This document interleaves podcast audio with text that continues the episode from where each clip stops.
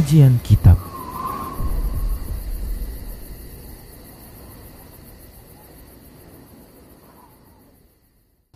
Bismillah, Assalamualaikum warahmatullahi wabarakatuh. Innal hamdalillah nahmaduhu wa nasta'inuhu wa nastaghfiruh wa na'udzu billahi min shururi anfusina wa min sayyiati a'malina من يهده الله فلا مضل له ومن يضلله فلا هادي له واشهد ان لا اله الا الله وحده لا شريك له واشهد ان محمدا عبده ورسوله صلى الله عليه وسلم قال الله تبارك وتعالى يا ايها الذين امنوا اتقوا الله حق تقاته ولا تموتن الا وأنتم مسلمون يا أيها الناس اتقوا ربكم الذي خلقكم من نفس واحدة وخلق منها زوجها وبس منهما رجالا كثيرا ونساء. واتقوا الله الذي تساءلون به والأرحام. إن الله كان عليكم رقيبا. يا أيها الذين آمنوا اتقوا الله وقولوا قولا سديدا. يصلح لكم أعمالكم ويغفر لكم ذنوبكم. ومن يطع الله ورسوله فقد فاز فوزا عظيما أما بعد فإن أصدق الحديث كتاب الله وخير الهدى هدى رسول الله صلى الله عليه وسلم وشر الأمور محدثاتها وكل محدثة بدعة وكل بدعة ضلالة وكل ضلالة في النار الحمد لله kita bersyukur kepada Allah Subhanahu wa taala atas semua nikmat yang Allah telah berikan. Selawat dan salam tak lupa kita ucapkan untuk nabinya Muhammad sallallahu alaihi wasallam. Para pemirsa Rosyad TV dan para pendengar radio Medan Mengaji di mana saja Anda berada, rahimani wa rahimakumullah. Kita akan lanjutkan pembahasan kitab Minhajul Muslim dalam bab akidah dan kita masih membahas tentang beriman kepada kitab-kitab Allah Subhanahu wa taala, beriman dengan kitab-kitab Allah Subhanahu wa taala. Sedikit kita mengulang bahwa beriman kepada kitab-kitab Allah Subhanahu wa taala itu mencakup empat empat hal yang ini juga termasuk rukun dari beriman dengan kitab Allah Subhanahu wa taala. Yang pertama adalah mengimani bahwa kitab-kitab suci tersebut diturunkan oleh Allah Subhanahu wa taala dari sisinya secara hakiki. Kemudian yang kedua adalah mengimani nama-nama dari kitab suci yang disebutkan oleh Allah Subhanahu wa taala secara terperinci dan sekaligus juga mengimani kitab-kitab suci atau lembaran-lembaran suci yang telah Allah turunkan namun tidak disebutkan namanya secara rinci. Kita imani secara global pula. Demikian. Kemudian yang ketiga adalah membenarkan kabar-kabar yang sahih dari kitab suci tersebut yang masih benar ya. Demikian pula eh, kabar-kabar yang masih sahih yang disebutkan dalam kitab-kitab suci yang sebelumnya yang belum dihapus atau belum dirubah-rubah oleh tangan-tangan jahat. Kemudian yang keempat adalah mengamalkan hukum hukum kitab suci tersebut yang belum dihapus hukumnya serta ridho sekaligus menerima hukum-hukum tersebut baik itu kita pahami ataupun tidak kita pahami. Demikian para hamba Allah rahimani wa tentunya kitab suci yang kita amalkan hukum-hukumnya adalah kitab suci yang diturunkan kepada kita yaitu Al-Qur'an yang diturunkan kepada Nabi Muhammad sallallahu alaihi wasallam. Adapun kitab-kitab suci sebelum Al-Quran itu telah dihapus oleh Allah Subhanahu wa taala dengan diturunkannya Al-Quran. Karena Al-Quran Allah jadikan sebagai muhaimin ya, muhaimin yaitu hakim. Yaitu memberikan putusan penghapus bagi kitab-kitab suci sebelumnya. Sebagaimana Allah Subhanahu wa taala berfirman di dalam surah Al-Maidah ayat 40 Delapan Allah mengatakan a'udzu billahi minasyaitonir rajim wa anzalna ilaikal kitaba bil haqqi musaddiqan lima baina yadayhi minal kitabi wa muhaiminan alaih. Kata Allah Subhanahu wa taala dan kami telah turunkan kepadamu kitab suci dengan membawa kebenaran yaitu Al-Qur'an. Ya yaitu maksudnya Nabi Muhammad SAW diberikan diturunkan kepada beliau kitab suci Al-Qur'an dengan membawa kebenaran. Musaddiqan lima baina yadayhi minal kitab. Dalam kondisi membenarkan kitab-kitab suci sebelumnya wa muhaiminan alaihi dan menjadi hukum ya pemutus hukum pada kitab suci tersebut yaitu menjadi penghapus dari hukum-hukum yang ada dalam kitab suci sebelumnya. Demikian para hamba Allah rahimani wa rahimakumullah. Baik. Setelah kita menyebutkan uh, pada pertemuan yang lalu tentang dalil-dalil syar'i ya dalil-dalil wahyu dari Al-Qur'an maupun hadis Nabi sallallahu alaihi wasallam yang menunjukkan wajibnya kita mengimani kitab-kitab Allah Subhanahu wa taala. Berikut ini kita akan menyebutkan dalil akal. Dalil akal menunjukkan wajibnya kita mengimani kitab-kitab suci Allah Subhanahu wa taala. Berikut ini penjelasannya. Yang pertama, kita akui bahwasanya manusia itu begitu lemah di mana manusia tidak mampu ya untuk mengetahui segala hal. Manusia dengan keterbatasan pengetahuan yang dimilikinya maka dia tidak mampu mengenali ya segala hal. Lebih-lebih perkara-perkara yang gaib. Demikian para hamba Allah rahimani wa rahimakumullah. Demikian pula perkara-perkara yang menjadi kebutuhan asasi kebutuhan esensi untuk memperbaiki dan menjaga kemaslahatan jiwa dan raganya. Padahal ya, manusia itu sangat membutuhkan kepada kemaslahatan-kemaslahatan terkait dengan jiwa dan raganya. Demikian. Sementara Allah Subhanahu wa taala adalah zat yang maha mengetahui segala sesuatu. Nah, karena kelemahan manusia seperti ini, maka tentunya mereka butuh ya untuk mendapatkan informasi-informasi tentang apa saja yang bisa memberikan kemaslahatan kepada jiwa dan raga mereka. Sehingga di sinilah butuhnya informasi-informasi dari sang pencipta mereka Allah tabaraka wa taala. Informasi tersebut ya eh, termaktub atau tersusun di dalam kitab sebuah kitab atau tulisan atau pesan-pesan yang ini akan membawa kepada kemaslahatan manusia ya. Yang di dalam kitab suci tersebut terdapat aturan-aturan ya eh, hukum-hukum ya. Demikian pula syariat-syariat yang akan merealisasikan kemaslahatan ya para manusia tersebut dalam kehidupan mereka ya baik itu kemaslahatan yang terkait dengan jasmani maupun rohani mereka demikian ya. bahkan bukan hanya dalam kehidupan dunia ya bahkan sampai kepada kehidupan yang kekal abadi di akhirat kala demikian nah para hamba Allah rahimani warahmatullah ini ya e, dalil logika ya dalil logika yang ini menunjukkan ya wajibnya bagi kita untuk mengimani kitab-kitab suci yang telah Allah Subhanahu wa taala turunkan tersebut. Karena kitab-kitab suci itu adalah mengandung ya aturan-aturan baku, aturan-aturan yang sangat mendasar, aturan-aturan yang sangat penting ya.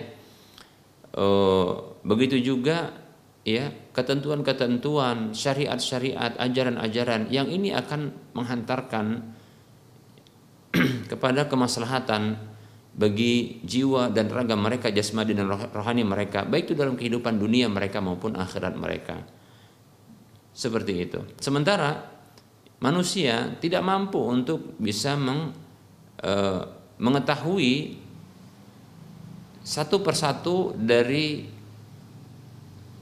kemaslahatan-kemaslahatan tersebut atau apa saja yang akan membawa kemaslahatan bagi jiwa dan raga mereka. Demikian para hamba Allah rahimani wa rahimakumullah, ya. Nah, di sini ya kita sadari ya kebutuhan kita kepada Allah Subhanahu wa taala untuk memperbaiki untuk memberikan kemaslahatan bagi jiwa dan raga kita ya dalam kehidupan dunia kita menuju akhirat kita kekal abadi selamanya demikian nah sehingga hal ini kesadaran seperti ini ya mengharuskan kita untuk mengimani kitab-kitab suci Allah Subhanahu wa taala tersebut yang berisi tentang aturan-aturan, ajaran-ajaran, ya, syariat-syariat yang akan ya menghantarkan semuanya itu menghantarkan kepada kemaslahatan, ya kebaikan ya, bagi jiwa dan raga kita, jasmani dan rohani kita baik dalam kehidupan dunia maupun akhirat kita. Demikian para hamba Allah rahimani wa rahimakumullah. Berikutnya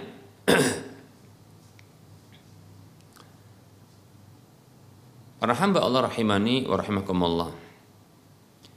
Dalil logika yang berikutnya, dalil logis ya atau dalil akal yang menunjukkan ya wajibnya kita untuk mengimani kitab-kitab suci Allah Subhanahu wa taala adalah tatkala para rasul yang mereka ini merupakan e, perantaraan ya mereka ini adalah orang-orang yang menjadi pilihan Allah Subhanahu wa taala yang akan memperantarai ya. Antara Allah Subhanahu wa taala sang pencipta dengan para makhluk ya para hamba yang diciptakan oleh Allah Subhanahu wa taala. Yang mereka ini menyampaikan pesan-pesan dari Allah Subhanahu wa taala. Yang mereka ini akan menyampaikan ajaran Allah Subhanahu wa taala. Yang mereka ini akan ya uh, mengajarkan dan memperlakukan tentang aturan-aturan Allah Subhanahu wa taala di permukaan bumi ini Sementara para rasul ini itu seperti manusia yang lainnya, ya. Mereka hidup di di atas permukaan bumi ini ini memiliki batas waktu, ya. Mereka setelah mereka hidup sekian lama dan mereka telah memperlakukan aturan-aturan di permukaan bumi ini, telah mengajarkan kepada manusia, ya, sesuai dengan ya perintah yang diembankan oleh Sang Pencipta mereka kepada mereka untuk diajarkan kepada sesama mereka. Mereka ini memiliki batas waktu, ya. Demikian. nah, kalaulah ajaran-ajaran Allah Subhanahu wa taala ini yang telah mereka ajarkan eh, kepada manusia aturan-aturan Allah Subhanahu wa taala yang telah diberlakukan, ya. kepada manusia dan ini telah berlaku Nah, ini tidak dikandung atau tidak ditulis atau tidak termuat di dalam satu kitab yang khusus. Maka dengan wafatnya para rasul tersebut, maka ini akan menjadi ya aturan tersebut akan menjadi sirna, ya. Aturan tersebut akan menjadi sia-sia. Aturan tersebut ya dengan berjalannya waktu ini akan semakin ya hilang ya dengan uh, jauhnya mereka dari para rasul yang telah wafat tersebut. Ya. Nah, ketika itu ya manusia akan berada dalam kondisi ya tidak ada lagi aturan, tidak ada lagi ajaran, ya tidak ada lagi ya eh, orang-orang uh, yang menjadi penyampai pesan dari Allah Subhanahu wa taala sang pencipta mereka sehingga ya tujuan asli dari wahyu diturunkan tersebut ya ini tidak akan terrealisasi. Nah, oleh karenanya di sini eh, kita menyadari pentingnya ya Allah Subhanahu wa taala untuk menurunkan ya kitab suci, kitab suci ya yang ini akan terus dijaga ya akan dijaga ya. Demikian ya. Nah para hamba Allah rahimani rahimakumullah ini logika dalil logis ya. Dalil logis bagi manusia ya tentang pentingnya ya diturunkannya kitab suci oleh Allah Subhanahu wa taala yang akan menjadi aturan bagi manusia ya.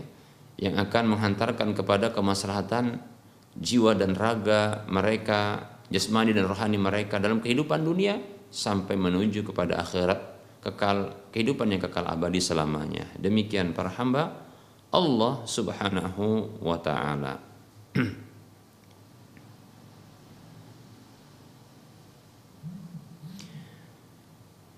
Kemudian dalil yang ketiga ini juga merupakan dalil akal para hamba Allah rahimani warahmatullah ya yang menunjukkan begitu pentingnya ya diturunkannya kitab suci kitab suci ya oleh Allah Subhanahu wa taala kepada para hamba-hambanya. Oleh karenanya ini mendorong kita untuk mengimani kitab-kitab suci tersebut. Yaitu apabila para rasul ya atau seorang rasul yang telah diutus oleh Allah Subhanahu wa taala untuk menyampaikan ajaran Allah Subhanahu wa taala untuk mengajarkan ya. Pesan-pesan Allah Subhanahu wa taala, aturan Allah, ajaran Allah Subhanahu wa taala, syariat Allah Subhanahu wa taala. Mereka tidak membawa kitab-kitab suci yang berasal dari sisi sang pencipta mereka. Yang di dalamnya terdapat ya aturan-aturan baku ya. Yang di dalamnya terdapat ajaran-ajaran yang akan membawa kepada kemaslahatan jasmani dan rohani mereka, ya jiwa dan raga mereka dalam kehidupan dunia mereka sampai akhirat mereka, maka hal ini sangat mudah bagi manusia untuk mendustakan dan mengingkari ya eh, pesan-pesan dan ajaran-ajaran Allah Subhanahu wa taala tersebut ya. ya ketika mereka tidak membawa bukti nyata ya berupa pesan-pesan tersebut ya demikian ya layaknya seperti seorang kurir ya seorang kurir yang membawa yang dia membawa pesan-pesan e, dari orang yang mengirimnya kepada tujuan objek tujuan ya. Namun sang kurir ini tidak membawa bukti berupa pesan-pesan tertulis ya pesan-pesan tertulis. Bahkan barangkali ungkapan-ungkapan ini yang menunjukkan bahwasanya dia ini diperintah ya kurir tersebut. Sehingga objek ya objek yang menjadi tujuan pesan-pesan tersebut ya itu bisa jadi akan mengingkari bisa bisa jadi akan mendustakan ya. E, sang kurir tersebut yang membawa pesan-pesan karena dia hanya menyampaikan secara lisan ya. Dia hanya menyampaikan secara lisan. Dia tidak membawa satu bukti nyata berupa sesuatu yang tertulis. Demikian dari sisi orang yang mengirimnya. Demikian. Nah ini dari logis ya dan dalil kenyataan seperti itu. Baik, nah kalau kita mendapati ya satu kurir atau kita katakan satu utusan yang dia datang kepada kita yang kita tidak tahu bahwasanya kita ini akan e, diberikan satu pesan atau diberikan satu e, satu kita katakan aturan dari orang yang perhatian sama kita ya orang yang datang ini dia katakan bahwasanya dia ini berasal dari ya orang yang mengirimnya ya menyampaikan bahwasanya ingin menyampaikan pesan-pesan kepada kita. Maka kita ya merasa tidak percaya kepadanya. Sampai dia barangkali akan membawa satu bukti tertulis ya dari sisi orang yang mengirimnya. Demikian. Nah, ketika kita melihat dia contohnya membawa bukti ya mungkin seperti bed nama yang tertulis namanya begitu juga barangkali ya ada bukti dokumen-dokumen ya ya lebih-lebih barangkali ada tanda tangan dari orang yang mengirim kepada kita yang kita mengenalnya maka ini membuat kita akan semakin percaya. Demikian para hamba Allah rahimani warahmatullah. Demikianlah para nabi dan rasul yang mereka ini diutus oleh Allah Subhanahu wa taala dan tentunya mereka ini dibekali dengan aturan-aturan ya. Mereka ini dibekali dengan uh, kitab suci ya. Yang aturan-aturan tersebut termuat termaktub di dalam kitab suci tersebut bahkan lengkap sebagai petunjuk bagi mereka ya sebagai aturan bagi mereka yang ini akan membawa kepada kemaslahatan jiwa dan raga mereka, jasmani dan rohani mereka dalam kehidupan mereka di dunia sampai menuju akhirat mereka yang kekal abadi selamanya. Demikian para hamba Allah rahimani wa rahimakumullah ya. Oleh karenanya ya setelah kita mengetahui penjelasan-penjelasan ini yang memuat tentang oh, dalil-dalil Al-Quran maupun hadis Nabi SAW beserta dengan dalil akal, maka tidak ada pilihan bagi kita kecuali memang harus kita mengimani. Ya, kita mengimani kitab-kitab suci Allah Subhanahu wa taala bahwasanya Allah Subhanahu wa taala itu pernah menurunkan kitab-kitab sucinya ya kepada umat-umat terdahulu bahkan kepada kita demikian. Oleh karenanya kita imani ya. Kita imani bahwasanya itu memang turun dari Allah Subhanahu wa taala. Kita imani nama-nama kitab suci tersebut yang disebutkan secara rinci, begitu juga yang disebut, yang disebutkan secara global, ya. Kemudian kita mengimani tentang pengkabaran-pengkabarannya yang belum dihapus dan belum di yang di, belum dirubah-rubah demikian. Begitu juga kita mengimani ya hukum-hukumnya. Sekaligus kita mengamalkan hukum-hukum dari kitab suci yang diturunkan kepada kita ya. Demikian ya. Yaitu Al-Qur'an yang diturunkan kepada kita maka hukum-hukumnya wajib untuk kita amalkan. Demikian para hamba Allah rahimani wa rahimakumullah baik. Ini barangkali uh, sekelumit satu sedikit materi pada pertemuan kali ini insya Allah taala kita akan lanjutkan pada waktu mendatang dengan e, keimanan yang berikutnya ya. Secara khusus nanti kita akan sebutkan beriman kepada Al-Qur'an ya. Sebelum kita memasuki keimanan kepada ya para rasul-rasul Allah Subhanahu wa taala. Namun ini kita akan akan bahas pada waktu mendatang insyaallah taala. Kita buka sesi saja soal jawab ya. Kita buka sesi soal jawab dan sudah ada masuk Eh, beberapa pertanyaan. Assalamualaikum warahmatullahi wabarakatuh. Saya ingin konsultasi Ustadz, bagaimana hukumnya bekerja di sebuah bank?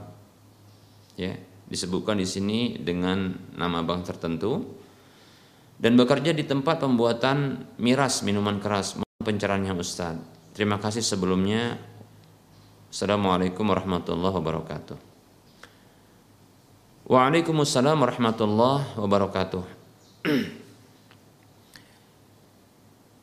Bekerja di tempat-tempat maksiat seperti contohnya tempat yang memperlakukan di tempat tersebut riba bahkan asas dari usaha tersebut adalah riba. Seperti contohnya adalah perbankan-perbankan ribawi ya yang memperlakukan riba ya. Baik itu dalam penerimaan permodalannya ya yaitu menerima permodalan dari masyarakat. Itu pun diberlakukan dengan cara riba. Begitu juga ketika menyalurkan permodalan juga kepada ya eh, kepada para eh, calon-calon pengusaha ya atau peng, uh, usaha yang sudah berlaku demikian ya. Itu pun dengan cara riba demikian. Jadi uh, karena sebabnya adalah ya mereka ini yaitu para uh, perbankan ya. Lembaga-lembaga perbankan tersebut mereka bergerak di bidang uh, finance yaitu pembiayaan ya. Mereka pembiayaan. Yang mereka tidak ingin menanggung risiko kerugian ya. Semua uh, bentuk lembaga-lembaga perbankan baik itu yang besar maupun yang kecil ya mereka ini bergerak di bidang finance yaitu pembiayaan yang pembiayaan ini adalah e, memberikan biaya-biaya, menarik biaya, begitu juga memberikan biaya, ya.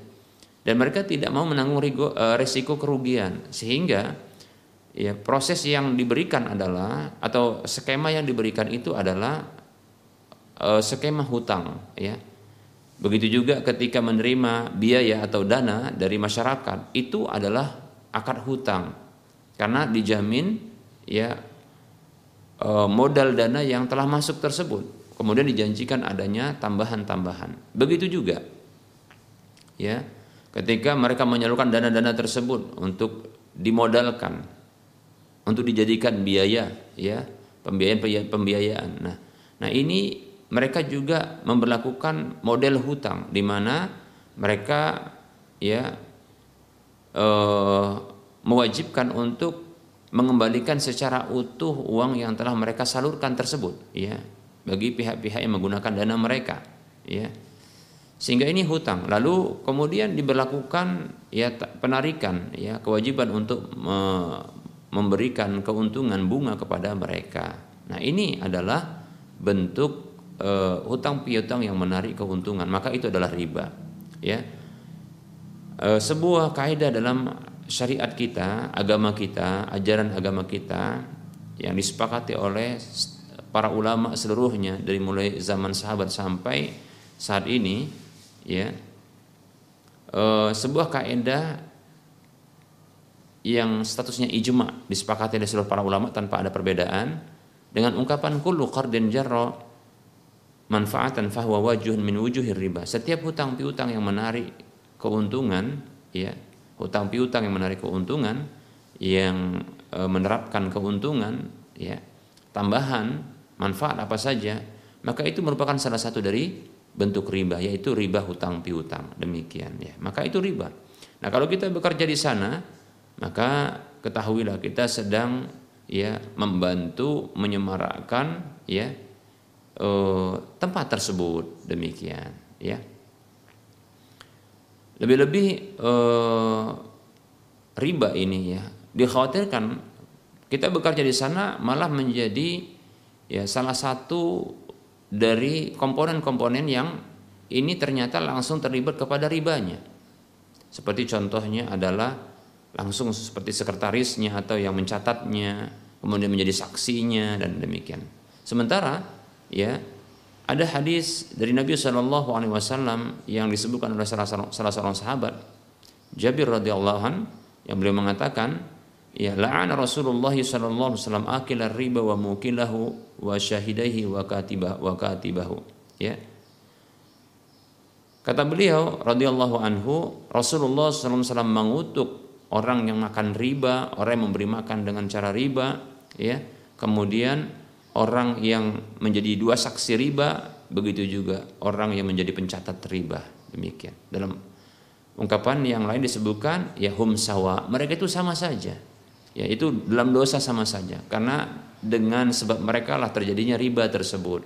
Mereka menjadi ya eh, mata rantai terjadinya riba tersebut. Demikian. Andaikan pun tidak menjadi mata rantai tapi menjadi pendukung ya ya hanya menjadi faktor luar untuk mendukungnya.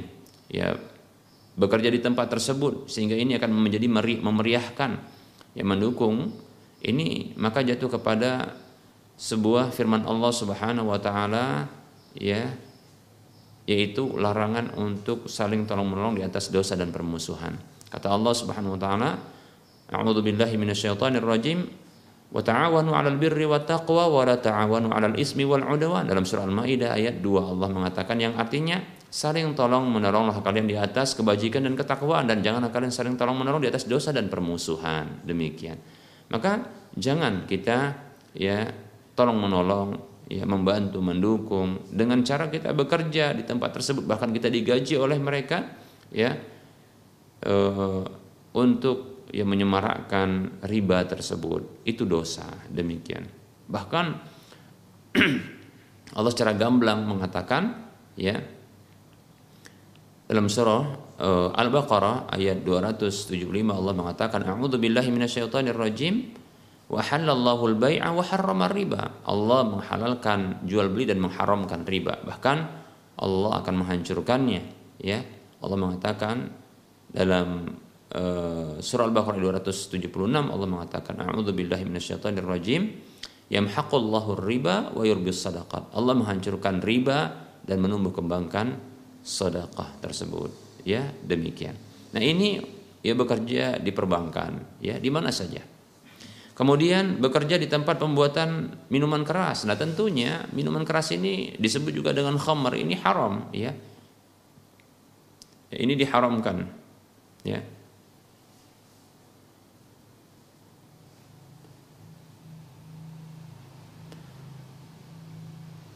Allah Subhanahu wa taala mengatakan, ya, A'udzu billahi minasyaitonir rajim. Innamal khamru wal maisiru wal ansab wal azlamu rijsun min amali syaitan fajtanibuhu la'allakum turhamun ya. Kata Allah Subhanahu wa taala yang artinya ya sesungguhnya khamar itu judi itu kemudian berhala-berhala itu patung-patung itu mengundi nasib itu ya dengan anak panah itu merupakan rijis satu yang kotor yang jelek yang buruk yang najis ya termasuk dari perbuatan syaitan. Maka jauhilah oleh kalian. Demikian ya. Maka jauhi tinggalkan. Demikian. Karena sudah diharamkan oleh Allah Subhanahu wa taala. Demikian. Nah kalau bekerja di tempat tersebut berarti kita membantu ya orang lain untuk mengkonsumsi khamar tersebut. Lalu kita mendapatkan ya mendapatkan uh, upah dari pekerjaan tersebut. Bahkan disebutkan dalam satu hadis ya tentang kutukan yang diberlakukan hadis Nabi SAW kutukan yang diberlakukan kepada orang-orang terlibat dengan ya khamar seperti khamar itu dikutuk ya kemudian orang yang menuangkannya orang yang membawanya orang yang menjualnya seterusnya sampai ada kurang lebih ya uh, lebih dari uh, 10 ya yang terkait dengan kutukan yang berlaku bagi orang-orang yang terlibat di dalam khamar ini. Maka jauhi.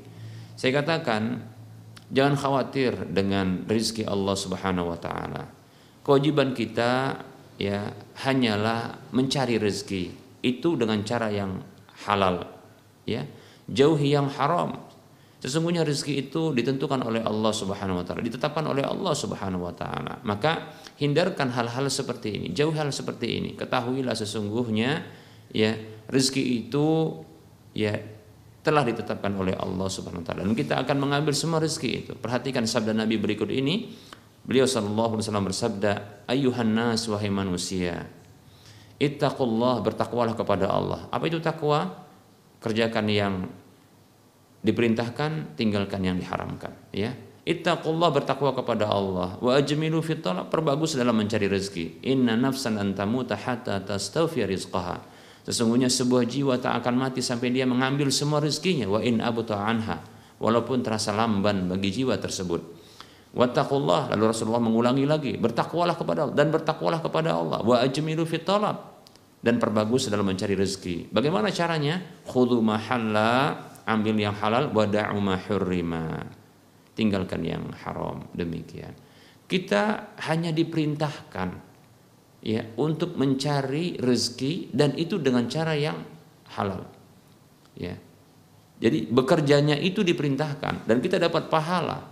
Mencari yang halal itu ya dengan cara yang halal, mencari rezeki dengan cara yang halal disebut dengan bekerja dengan cara yang halal, maka itu diperintahkan. Adapun rezeki itu kejutan.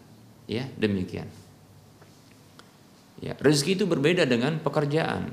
Ya, pekerjaan itu itu kita perintahkan, eh, kita diperintahkan untuk melakukannya. Ya, maka cari yang halal saja. Adapun rezeki nanti Allah akan berikan. Demikian. Ini dua hal yang berbeda. Demikian. Pernahkah kita melihat ada orang yang mereka tidak bekerja namun mendapatkan rezeki? Ada.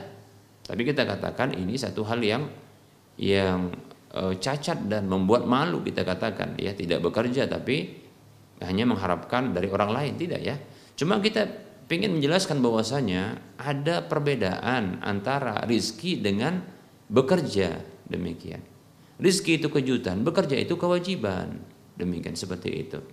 Nah kalau kita lakukan ya melakukan pekerjaan yang halal saja kita dapat pahala nanti kita dapat rezeki pula begitu demikian ya wallahu taala a'lam. Ya jangan khawatir. Kalaupun seandainya ya kita tak mencari rezeki rezeki itu akan mencari kita. Tapi terhormatlah kita di dalam mencari rezeki. Cari rezeki itu dengan cara yang terhormat dengan cara yang diridhoi. Terhormat di sisi manusia dan diridhoi oleh Allah Subhanahu wa taala. Demikian seperti itu. Adapun rezeki, kalaupun tak dicari, kita mempermalukan diri kita dengan cara kita tidak bekerja, tidak mencarinya kan begitu ya.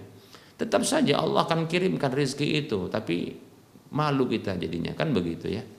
Apa kata Nabi Shallallahu Alaihi Wasallam? Inna rizqa la yatlubul abda aksar ya mimma yatlubuhu ya ajaluhu. Atau kama qala sallallahu alaihi wasallam. Ini hadis riwayat Ahmad uh, riwayat Ibnu Majah ya. Kata Nabi sallallahu alaihi wasallam sesungguhnya ya rizki itu benar-benar akan mencari seorang hamba lebih banyak ketimbang kematian dia itu mencarinya. Ya tentulah kematian itu cuma sekali datangnya kepada seorang hamba. Sementara rezekinya itu mungkin berjuta-juta kali datang kepada dia akan mencari terus. Oleh karenanya saya katakan, ya terhormatlah di dalam ya mencari rezeki, menerima rezeki, ya dan posisikan diri untuk diridhoi oleh Allah Subhanahu wa taala mencari rezeki tersebut. Wallahu taala alam. Ada pertanyaan, Bismillah, Assalamualaikum Ustaz bila zakat harta saya jatuh temponya satu tahun pada Rabiul Awal nanti. Kapan sebaiknya dibayarkan Ustaz? Boleh diangsur di bulan Ramadan ini dan bolehkah dibayar kepada pertama saudara kandung yang miskin, kemudian yang kedua saudara kandung yang masih lajang tapi dia terlilit hutang. Jazakallahu khairan. Waalaikumsalam warahmatullahi wabarakatuh. Zakat harta berupa uang ya atau emas atau perak yang disimpan ya atau contohnya mungkin perniagaan ya yang sesungguhnya perniagaan dan uang ini adalah turunan dari zakat emas dan perak demikian. Yang terpenuhi ya e, dua syaratnya untuk diwajibkan mengeluarkan zakat. Pertama adalah bulughun nisab sampai nisabnya. Dan nisab itu ada nisab emas itu sekitar 85 kilo eh, 85 gram emas 24 karat ya.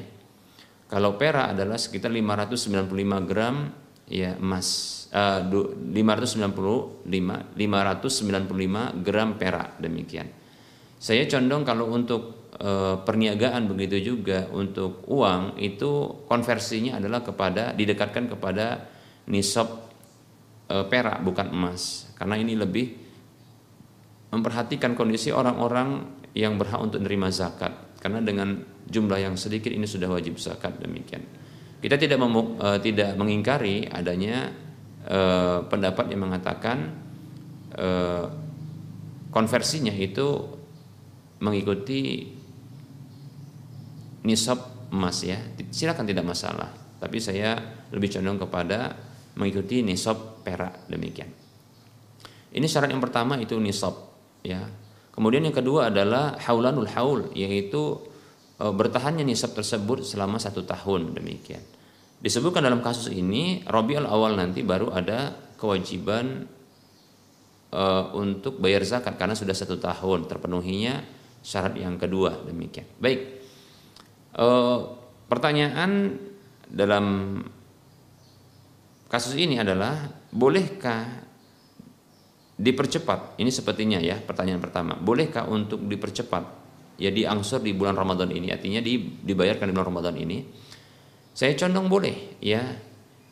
Ini berdasarkan e, dispensasi yang diberikan oleh Nabi SAW kepada Abbas paman beliau radhiyallahu anhu ya untuk membayar lebih cepat dari waktunya demikian ya jadi dibolehkan untuk membayar zakat lebih cepat dari waktunya ini pendapat yang kuat ya demikian maka silakan anda barangkali anda ingin e, membayarnya contoh ya membayarnya di malam-malam ganjil atau di malam-malam yang diprediksi itu adalah malam Lailatul Qadar. Silakan tidak masalah.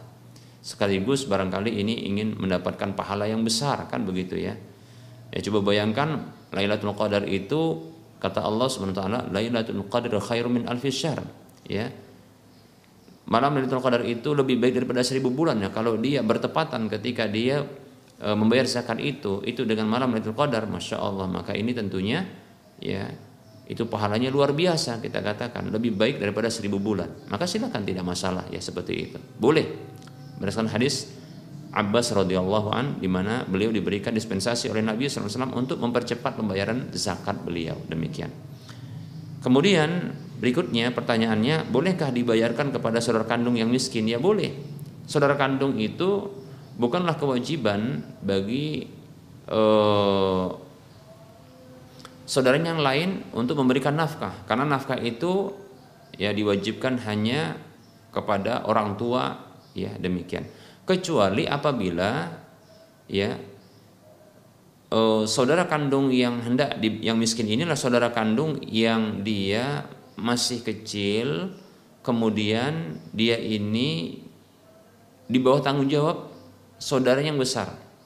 Contohnya sang penanya ini adalah kita katakan adalah seorang eh, laki-laki uh, yang dia uh, telah dewasa. Sementara saudara kandungnya ini adalah masih kecil dan miskin seluruhnya. Maka kita katakan ya seorang yang laki-laki dewasa itu menafkahi adik-adiknya masih kecil ketika orang tuanya tidak telah tiada. Seperti itu ya. Demikian. Allah taala alam seperti itu. Namun apabila ternyata eh, saudara kandung ini itu sudah tidak lagi bersamanya karena contohnya sudah menikah demikian ya. Atau sudah berpisah hidupnya ya karena sudah dewasa maka tentunya tidak ada kewajiban untuk e, menanggungnya. Dan ini ini e, seperti sepertinya ini yang dimaksudkan ya. Karena kalimat miskin ini bagaimana bisa saudara kandung ini miskin sementara dia ini kaya maka ini bisa dipahami dari pertanyaan ini seolah-olah ini terpisah ya sudah kehidupan yang terpisah maksudnya adalah uh, sepertinya keluar, uh, saudara kandung ini telah menikah sehingga tidak ada kewajiban untuk menanggungnya. Nah, oleh karenanya ya uh, boleh untuk mengarahkan zakat kepada orang-orang yang bukan merupakan kewajiban yang untuk menafkahinya. Seperti saudara-saudara yang miskin ini. Demikian. Begitu juga saudara kandung yang masih lajang yang dia seorang pemuda, ya maksudnya laki-laki yang sesungguhnya kewajibannya adalah untuk mencari nafkah sendiri ya. Sudah lajang ini berarti sudah dewasa kemudian wajib bagi dia untuk mencari nafkah sendiri ya. Lebih-lebih ini terlilit hutang. Nah perlu kita ketahui miskin dan memiliki hutang ini merupakan ya e, orang-orang yang berhak mereka untuk menerima zakat ya Allah Subhanahu wa taala berfirman di dalam surah atau ayat 60 Allah mengatakan a'udzu billahi minasyaitonir rajim. Innamas sadaqatu lil fuqara'i wal masakin wal 'amilina 'alaiha wal mu'allafati qulubuhum fir riqabi wal gharimin wa fi sabilillahi wa binis sabil faridatan minallah.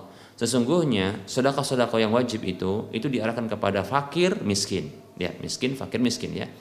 Kemudian adalah uh, amil yaitu petugas zakat. Kemudian uh, muallaf yaitu orang yang dilunakkan hatinya ya.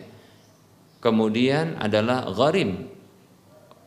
Oh, orang yang membebaskan budak kemudian gharim yaitu orang yang terlilit hutang ya. Orang yang memiliki hutang. Kemudian eh, orang yang jihad visabilillah dan orang yang terputus bekalnya dalam perjalanannya. Demikian ya. Itu kewajiban dari Allah Subhanahu wa taala. Surah at-taubah ayat 60 demikian jadi dua orang ini dua jenis orang ini itu miskin dan terlilit hutang atau memiliki hutang ini orang yang berhak untuk terima zakat. Lebih-lebih ini adalah keluarga, saudara kandung. Ya, yang ini merupakan orang yang memiliki hubungan kerahiman dengannya. Maka insya Allah taala kalau diarahkan eh, zakat kepada mereka ini, maka akan mendapatkan dua pahala. Pertama adalah pahala zakat, kemudian yang kedua adalah mendapatkan pahala silaturahim. Ya, Nabi Muhammad SAW bersabda, "As-sadaqatu 'alal miskin sadaqatun wa 'ala dirrahimi sintani sadaqatun wa silatun."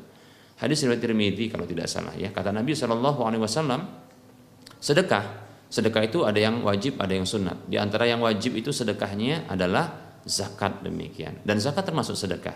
Kata Nabi SAW, sedekah itu kepada orang miskin itu pahalanya satu yaitu sedekah Adapun kepada sementara kepada zirrahim itu orang yang memiliki hubungan kerahiman, kekerabatan seperti saudara-saudara kandung ini ya yang tidak menjadi kewajiban baginya untuk menafkahinya, diarahkan sedekah atau zakat kepada mereka, maka di situ ada dua pahala. Yang pertama ya sadaqatun pahala sedekah itu pahala zakatnya. Kemudian wa silatun dan pahala silah silaturahimnya demikian ya. Silahkan anda arahkan zakat anda itu lebih cepat kemudian kepada saudara-saudara kandung ini yang mereka miskin atau terlilit hutang.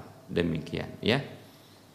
Silakan memilih di bulan Ramadan ya. Silakan. Bahkan di malam-malam yang diperkirakan itu adalah malam-malam Lailatul Qadar.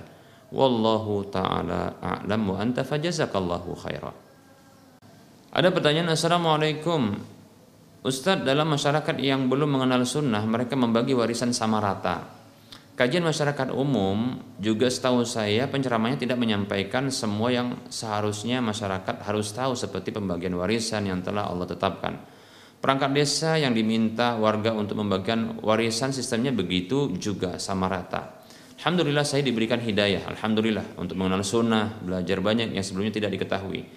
Yang saya mau, yang mau saya tanyakan, kesalahan siapa ya Ustadz? Karena umum begitu masyarakat di desa ataupun di kota, cara membagi warisannya yang seharusnya berhak mendapatkan warisan akhirnya tidak dapat. Contoh adik laki-laki yang kakak perempuannya meninggal tidak punya anak laki-laki, ya, yang seharusnya tidak berhak mendapatkan warisan akhirnya dapat. Contohnya cucu yang terhalang oleh anak laki-laki demikian. Syukran Ustadz. Jazakumullahu khairan.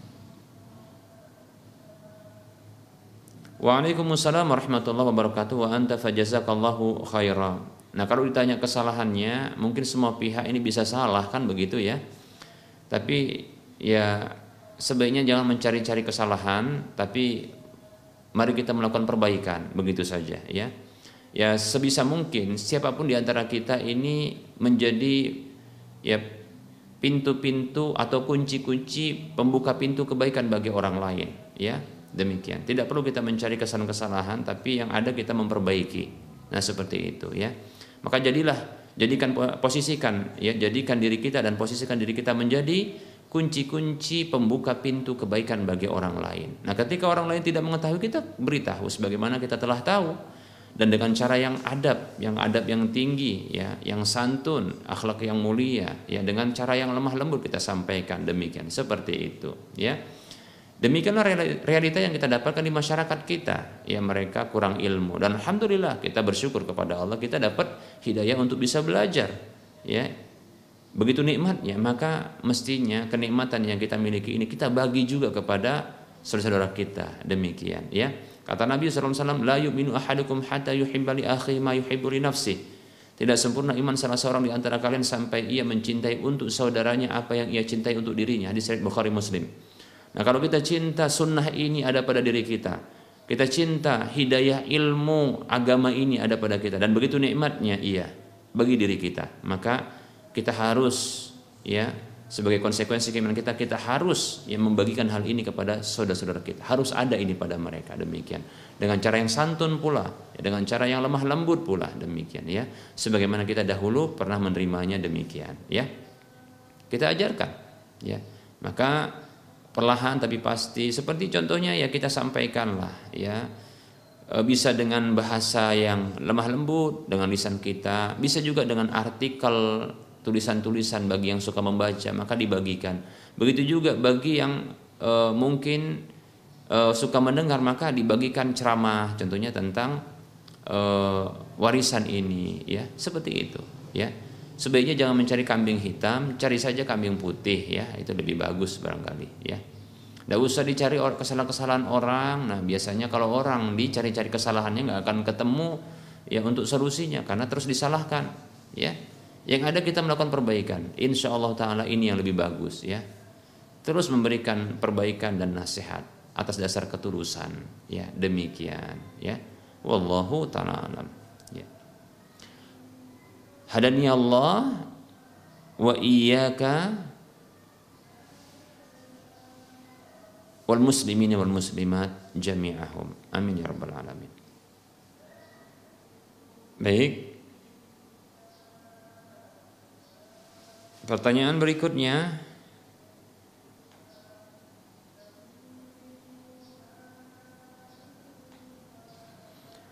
Ada pertanyaan, Ustaz kalau suami istri itu sadar telah melakukan hubungan badan di bulan Ramadan, apakah menebus kafarohnya hanya dengan memberi makan 60 orang miskin atau 120 orang miskin Ustaz? Oh ini suami istri ini sama-sama ya e, menyengaja untuk berhubungan badan di luar Ramadan ya di apa di dalam Ramadan. Maksudnya apakah sang suami saja yang bayar kafarohnya ataukah istri juga harus bayar kafarohnya demikian.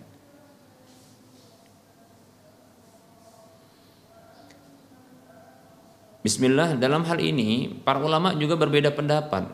Ya siapakah yang harus membayar uh, apakah uh, seorang istri harus membayar tebusan juga? Apakah hanya suami saja demikian? Ya, di sini ada perbedaan pendapat di kalangan para ulama. Kalau mau berhati-hati karena ternyata bersekongkol ini antara suami istri untuk melakukan hubungan badan di di dalam atau di siang Ramadan dalam kondisi berpuasa Ramadan, maka untuk berhati-hati silahkan bayarkan juga untuk istri. Demikian ya.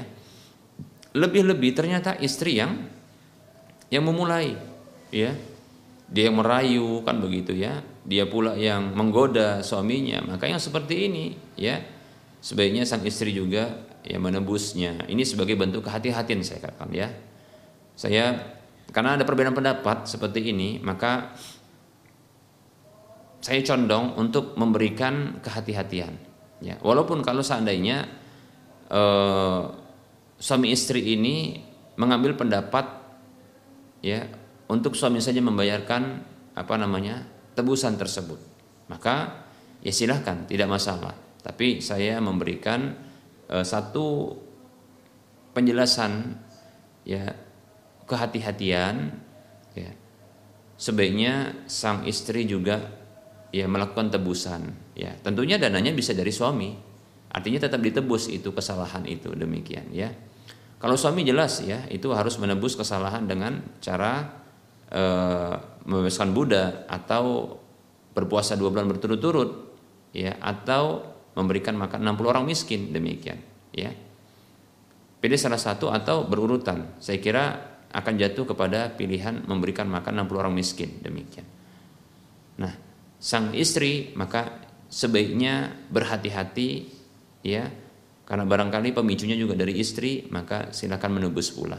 Dan itu bisa ditanggung oleh suaminya. Yang jelas dibayarkan ya memberi makan 60 orang miskin dikali dua yaitu 120 wallahu taala bisa dicicil ya. Wallahu taala a'lam. Baik para hamba Allah rahimani warahmatullah kita cukupkan untuk penyampaian materi dan menjawab pertanyaan pada hari ini. Insya Allah Ta'ala kita akan lanjutkan pada waktu mendatang. Dalam penyampaian ini tentu banyak kesalahan dan kekeliruan. Kepada Allah saya mohon ampun dan kepada para pemirsa sekalian saya mohon maaf. Dan para hadirin serta para pendengar sekalian saya mohon maaf. Dan seperti biasa ya kita akan e, memberikan motivasi kepada saudara-saudara seiman untuk mengarahkan sebagian rezeki yang telah Allah titipkan kepada kita. Mari kita berdonasi ya. Memberikan sebagian harta kita untuk menjadi aset akhirat bagi kita kelak ya setelah wafatnya kita. Bahkan kalau seandainya kita ini masih hidup pun dan kita uh, telah memberikan harta kita ini untuk bisa mengalir terus pahalanya kepada kita maka kita akan mendapatkannya. Silahkan ya. Mari kita bebaskan lahan yang nantinya akan dibangun Masjid Al Muwahhidin untuk wilayah Medan dan sekitarnya. Arahkan dana Anda ya ke Bank Syariah Mandiri atau Bank Syariah Indonesia di nomor 712748555. Saya ulangi ke Bank Syariah Mandiri atau Bank Syariah Indonesia di nomor 71274855555